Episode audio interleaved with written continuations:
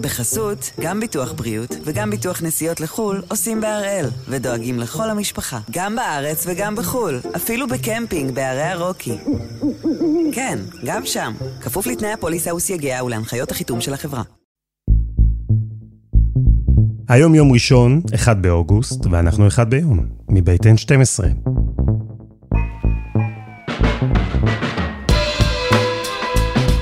אני אלעד שמחיוף, ואנחנו כאן כדי להבין טוב יותר מה קורה סביבנו, סיפור אחד ביום, כל יום.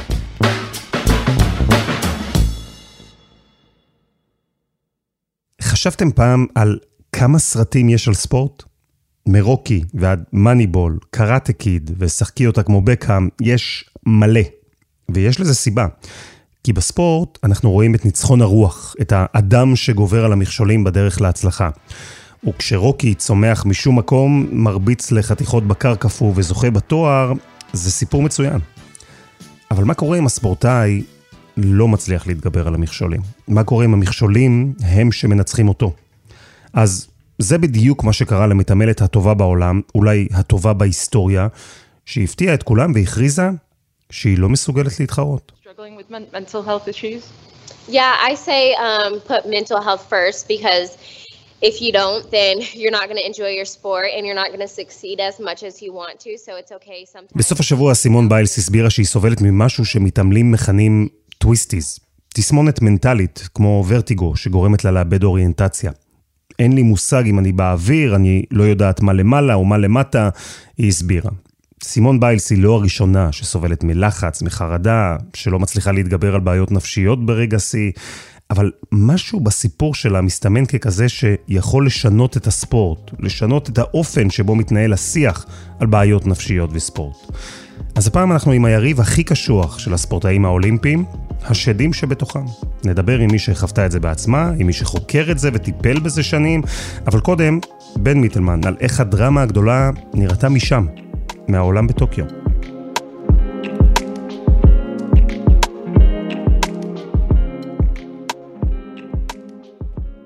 מיטלמן, שלום. שלום אלעד. איפה אנחנו תופסים אותך?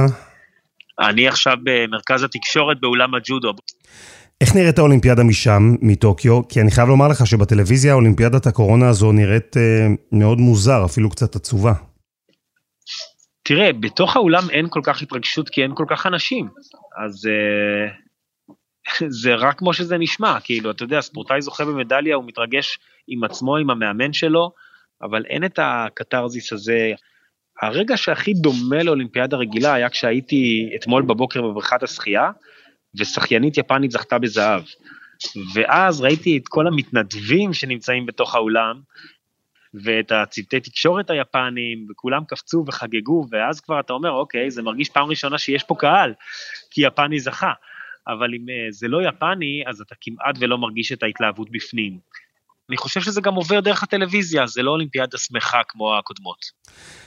ואולי זה סמלי שבאולימפיאדה שמגיעה אחרי שנה וחצי של קורונה אנחנו פחות מדברים כאן על ספורט, אלא על לחץ, על חרדה, על דיכאון. הנושא הזה עולה גם שם? מדברים על זה? ברור, זה הנושא הכי מדובר בימים האחרונים, בגלל סימון ביילס או בזכות סימון ביילס. תראה, קרה כבר הרבה פעמים בספורט, בהיסטוריה של הספורט, שספורטאים גדולים חטפו התמוטטויות עצבים, מצבים של חרדה, של לחץ. בואו נחשוב על זה, זה הדבר הרי הכי טבעי בעולם, הם באמת עומדים בפני לחץ היסטרי, הם באמת אנשים מאוד צעירים. עכשיו, כשספורטאים בעבר חוו את ההתקפים האלה, אז הם בדרך כלל עלו למגרש ופשוט שיחקו ממש גרוע. וכמובן, כמובן, כמובן, הסתירו את זה מהציבור ומהתקשורת. אתה אף פעם לא יודע מה קרה מאחורי הקלעים, מה קורה בתוך נפשו של אדם. רונלדו הברזילאי, לא קריסטיאנו, היה אחד השחקנים הכי טובים בעולם, אולי הכי טוב בשנת 98. וערב לפני גמר המונדיאל נגד נבחרת צרפת בפריז, הוא התמוטט בחדר מלון. והוא בכל זאת עלה לשחק, נראה זוועה וברזיל הפסידה. הוא אף פעם לא רצה לחשוף את הדבר הזה, הדבר הזה נחשף אחרי תקופה כשנייקי ונבחרת ברזיל וכולם נלחמים כדי שהאמת לא תצא, שחס וחלילה לא ישמעו, שהכדורגלן המחונן הזה, שתמיד חייך ותמיד כבש, חווה כזה קושי מנטלי. והנה באה סימון ביילס, המתעמלת הכי טובה בעולם, יש שיגידו הכי טובה בהיסטוריה. ברגע האמת שלה, שכל העולם ציפה לו לא ארבע אלא חמש שנים, מאז האולימפיאדה הקודמת, ובאמצע התחרות היא פשוט יורדת לחדר הלבשה, ואחר מכן גם אומרת למצלמות ואומרת לעיתונאים וחוזרת על זה, הרגשתי שמנטלית אני לא עומדת בזה, אני לא, לא הייתי מסוגלת, הרגשתי שיותר טוב לחברות שלי שמישהי תחליף אותי. יש פה באמת איזה מין אירוע שנזכור אותו עוד שנים, שהנה עד סימון ביילס ומסימון ביילס, כשספורטאית יכולה לדבר כזאת בפתיחות על הלחץ שהספורט עצמו גורם לו, אז אנחנו כבר מבינים עד כמה הדבר הזה באמת גדול ויכול להכריע כל ספורטאי, כי אם זה קרה לה, שהיא כבר עברה כל כך הרבה אתגרים ומצבים מלחיצים בקריירה, אז ברור שזה יכול לקרות לכל אחד.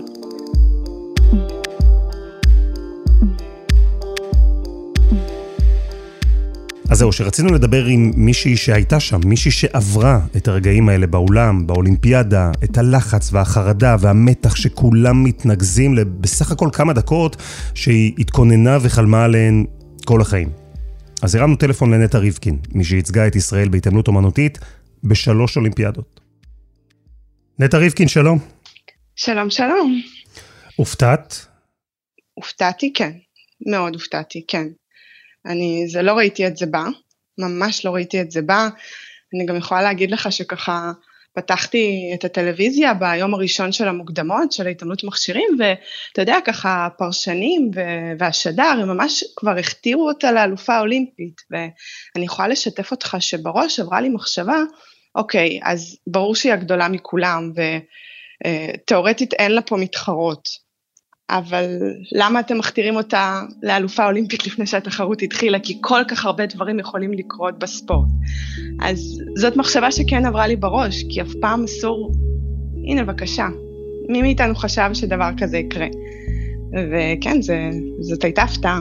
We just learned that Simone Biles has pulled out of the team competition. John, this is shocking news. This is exactly what the United States did not want to have happen. Uh, worst nightmare coming to pass here, Simone. את הצגת את ישראל בבייג'ין, בלונדון ובריו. בכל המקרים האלה, איתך נסע גם uh, תיק מלא בלחץ וחרדה? זה משהו שהיה נוכח? היה לחץ ולא מעט. אני יכולה להגיד לך שזה היה מאוד שונה מאולימפיאדה לאולימפיאדה. אה, אני לא יכולה להשוות את מימד הלחץ שהיה לי על הכתפיים לצורך העניין באולימפיאדה בלונדון, ששם באמת הגעתי כבר כמתעמלת מהטופ העולמי, כשאני כבר מדליסטית אליפויות עולם באירופה, לבין, אתה יודע, לטוס לאולימפיאדה ראשונה, אה, כצעירת המשתתפות במשלחת ישראל. כל כך הייתי חסרת ניסיון, שזה בגדול בסוף הפך להיות, ה, אפשר להגיד, הנשק שלי, כן? של למה הצלחתי להתחרות שם בצורה באמת מבריקה, עשיתי שם תחרות מעולה. כי, כי לא ציפו, כי לא הבנתי כמה גדול המעמד, וזה מאוד מאוד עזר לי בהתמודדות, למרות שעדיין לא היה לי ניסיון. ואני באמת זוכרת שיותר הצלחתי ממש ליהנות על המשטח תוך כדי תרגיל, מה שכנראה פחות הצלחתי כשהלחץ נהיה גדול יותר, כשנהייתי ספורטאית יותר בכירה, עם אה, הרבה יותר ציפייה ממני.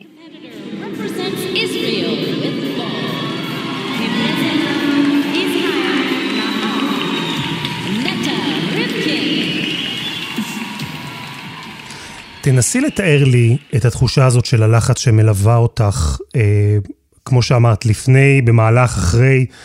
מה את מרגישה? תראה, ביילס תיארה את זה מאוד מדויק בפוסט שהיא כתבה לפני כמה ימים. אתה פשוט מרגיש משהו מאוד כבד על הכתפיים. ואני יכולה להגיד לך שביום שסיימתי את הקריירה שלי ופרשתי, אז הבנתי באמת כמה חייתי הרבה מאוד שנים תחת לחץ, שזה לא בא רק פתאום שבוע לפני האולימפיאדה או שבוע לפני אליפות עולם, אלא קודם כל זה משהו שיושב שם ונמצא כל הזמן, וזה מתגבר לפני אירועי שיא מאוד מאוד חשובים. אה, אני הייתי אין ספור פעמים במהלך הקריירה שלי במצבים שבאמת מנטלית זה כבר היה על הגבול, אם אנחנו רגע נלך למקום של מה שקרה לבייס, אז כנראה שם זה חצת הגבול.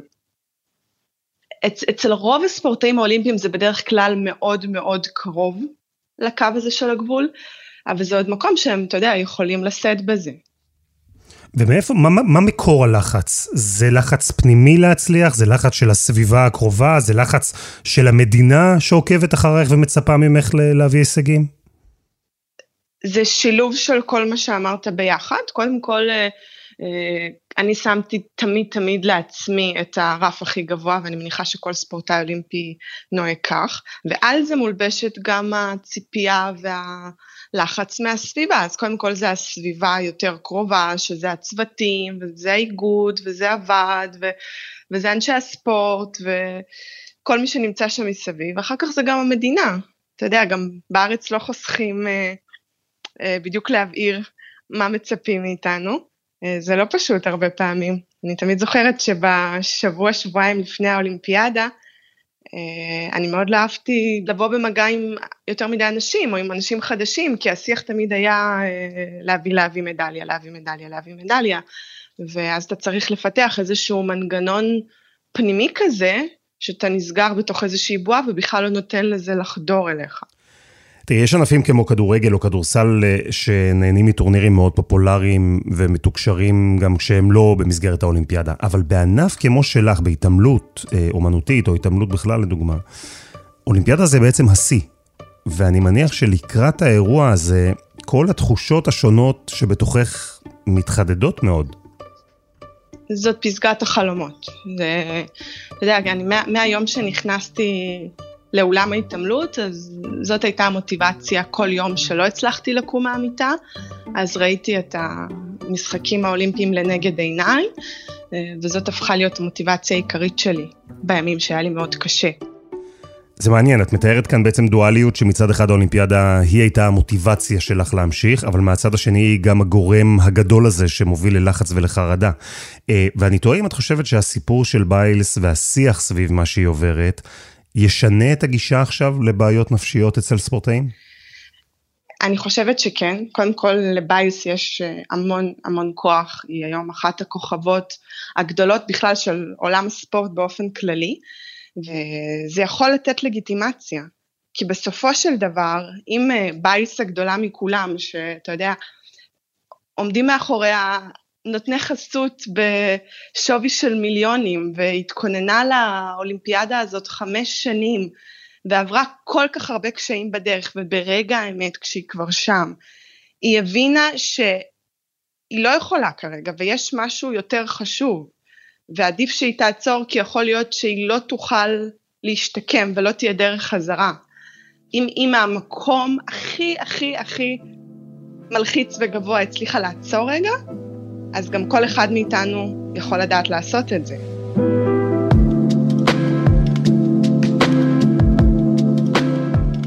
נטע ריבקין, תודה רבה. תודה, תודה רבה.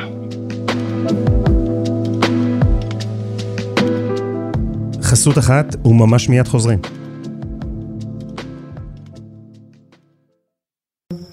בחסות, גם ביטוח בריאות וגם ביטוח נסיעות לחו"ל עושים בהראל, ודואגים לכל המשפחה, גם בארץ וגם בחו"ל, אפילו בקמפינג בערי הרוקי. כן, גם שם, כפוף לתנאי הפוליסה וסייגיה ולהנחיות החיתום של החברה. מיטלמן, ספורטאים שמתמודדים עם קשיים נפשיים זה לא חדש, זה לא התחיל בטוקיו 2020, אבל יש משהו בשיח שנדמה לי שהשתנה, שכאילו הופך ליותר אה, פתוח. איפה השינוי הזה התחיל? אני חושב שיכול להיות שבאמת מייקל פלפס, מבלי לשים לב, עשה את השינוי. מייקל פלפס ממש היה הקריין והרוח החיה מאחורי סרט יהודי מרתק, למי שעוד לא צפה, הוא עכשיו רלוונטי יותר מאי פעם, משקל הזהב. We're just so lost. A good 80%, maybe more, go through some kind of post-Olympic depression. I thought of myself as just a swimmer and not a human being. ומייקל פלפס, השחיין המעוטר בתולדות המשחקים האולימפיים, אמר מול המצלמה, בלי להתבייש, אני סבלתי מדיכאון, אני זכיתי בכל מדליית זהב אפשרית, ואני לא הייתי מאושר, אני לא אהבתי את מי שאני ואני לא אהבתי את החיים שלי. ואני לא יודע אם סימון ביילס צפתה בסרט הזה או לא, אבל כששחיין כמו מייקל פלפס, שגיבור אמריקאי אולטימטיבי אומר דבר כזה, זה בעצם נתן את האפשרות גם לאחרים ואחרות לעשות את אותו הדבר. אז הזכרת מקרה עבר את מייקל פלפס השחיין, אנחנו זוכרים את רונלדו הכדורגלן הברזילאי שקרס, ומייקל ג'ורדן שפרש לחלוטין מכדורסל לתקופה, היו גם אחרים. ועדיין השיח אז היה אחר, כי כמעט ניסו להסתיר את העובדה שהספורטאים האלה חוו קריסה נפשית. ועכשיו מדברים על זה בפתיחות, ואני תוהה, מה, מה אנחנו רואים כאן עכשיו? יש יותר מודעות, יותר פתיחות לנושאים של בעיות נפשיות, או שפשוט רף הלחץ סביב הספורטאים עלה? אני בטוח שזה גם וגם. אני חושב שהרשתות החברתיות מאוד מלחיצות את הספורטאים. הם כל הזמן שם, הם כל הזמן באינסטגרם, אני רואה אפילו בחברי המשלחת הישראלית. הם כל הזמן נכנסים, הם כל הזמן רואים מה כותבים עליהם, תכפיל את כל זה באלף, ותחשוב על הרשתות החברתיות שהיא נכנסת והיא רואה מה קורה. אני ראיתי את הפרומו של NBC לשידורים של האולימפיאדה בארצות הברית. Every morning, when I step into the gym, I ask myself the same question. Why just live up to people's expectations when you can defy them?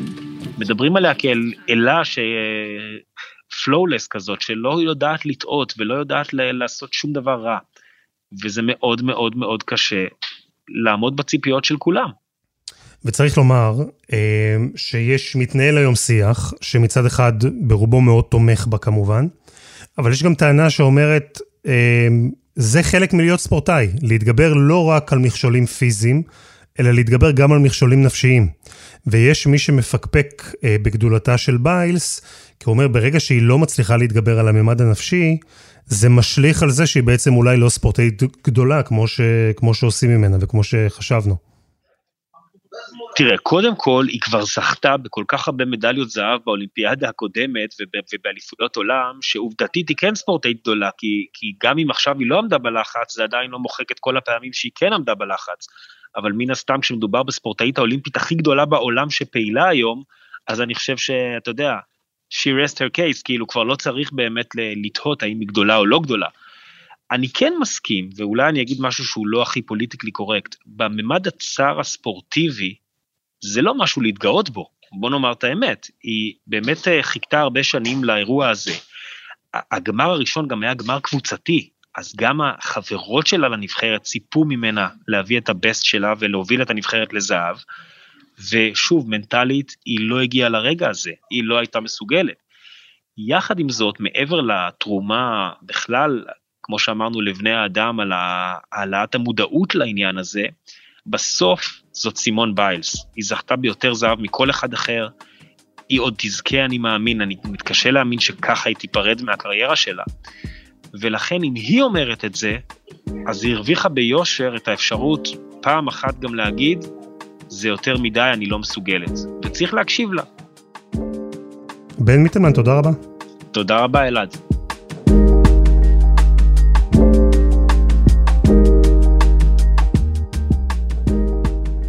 מה בדיוק קורה שם? מה קורה במוח של ספורטאי או ספורטאית שהם הכי טובים בעולם, מיומנים ומנוסים, ופתאום קורסים?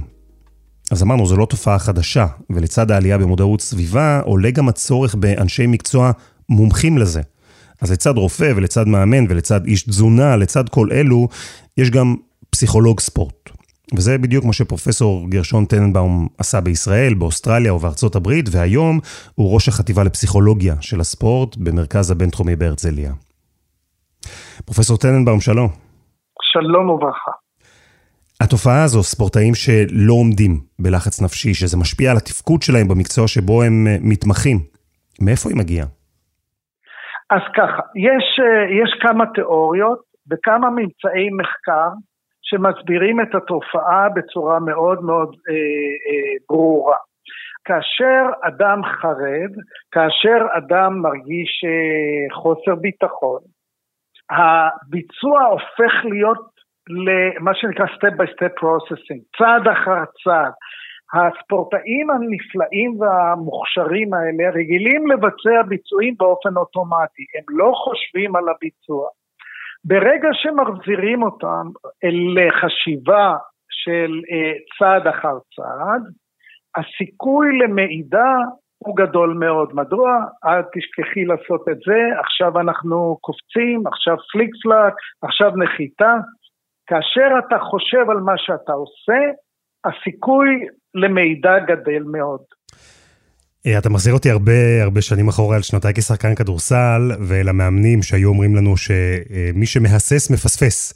כלומר שמי שחושב יותר מדי על המהלכים שהוא עושה תוך כדי שהוא עושה אותם, בעצם לא יצליח. אה, כלומר זה נכון נפשית וזה נכון גם פיזית? הסכמות שגורמות לנו לבצע אוטומטי מעוררות בצורה כזו שהמוח לא יעיל, המוח לא מפעיל. כשאתה מסתכל על ביצוע של ספורטאי מיומן, אתה רואה מוח שקט. ב-FMRI אתה יכול לראות מוח שקט, לא אדום, מטאבוליזם ברמה נמוכה מאוד. לעומת זה, כאשר אתה חושב על מה לעשות, כשאתה חרד, כשהמוח פעיל, אתה רואה הרבה קטנים אדומים באזורים ששולחים אה, באמת פולסים אה, לאזור המוטורי. אתה רואה שהמוח אה, מאוים, המוח אה, עסוק, הוא לא משוחרר ולכן אי אפשר אה, באמת אה, לבצע את הביצוע בצורה חלקה כפי שהיית יכול לבצע אילולא היא הייתה אוטומטית. ובדיוק כדי למנוע מקרים כאלה, הולך ומתפתח תחום פסיכולוגיית הספורט. זה תחום לדעתך שהיום משתמשים בו כראוי, אה, במשלחות אולימפיות נניח. יש פסיכולוגים צמודים? האמריקאים באופן קבוע מגיעים לאולימפיאדה עם עשרה פסיכולוגים של ספורט. ישראל, אה, אני חייב לומר, אה, לפני מספר שנים, השתנה, השתנה, הוועד האולימפי קבע שלכל ענף אולימפי מטעמם, עם המועמדים האולימפיים יעבדו פסיכולוגים, הם נמצאים כרגע עם הספורטאים בטוקיו. אנחנו עובדים כדי להכין את הספורטאי למצב שבהסתברות גבוהה הוא ימצה את הפוטנציאל שלו.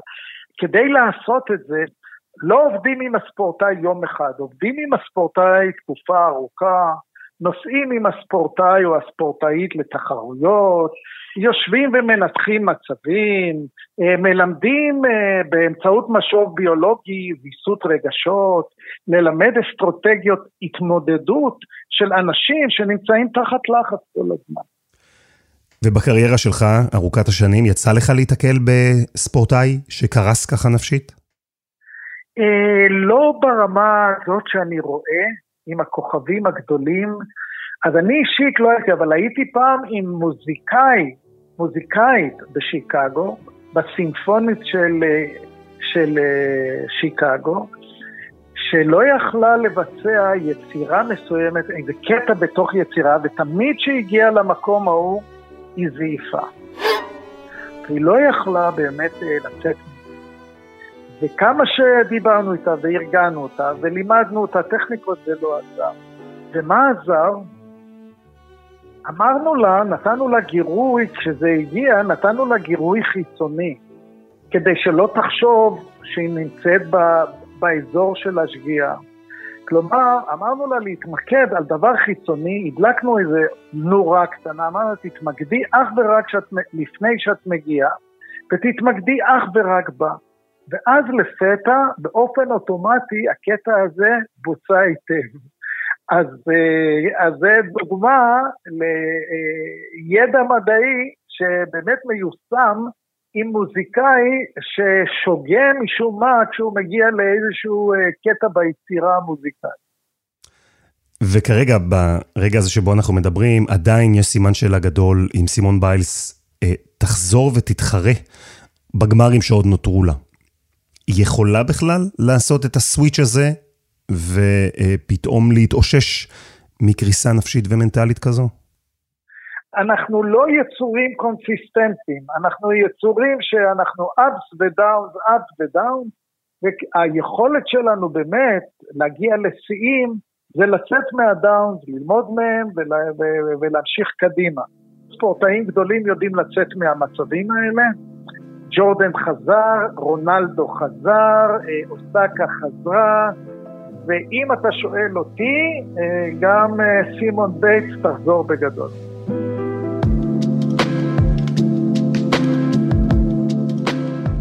פרופסור גרשון טננבאום, תודה רבה.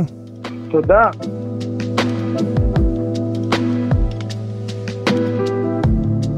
וזה היה אחד ביום, של N12.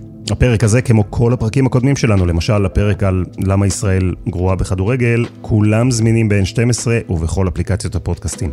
אנחנו גם בפייסבוק, חפשו אחד ביום, הפודקאסט היומי, יש לנו שם קבוצה נהדרת. העורך שלנו הוא רום אטיק, בצוות דני נודלמן ועדי חצרוני, על הסאונד יאיר בשן שגם יצר את מוזיקת הפתיחה שלנו, ואני אלעד שמחיוף, ואנחנו נהיה כאן גם מחר.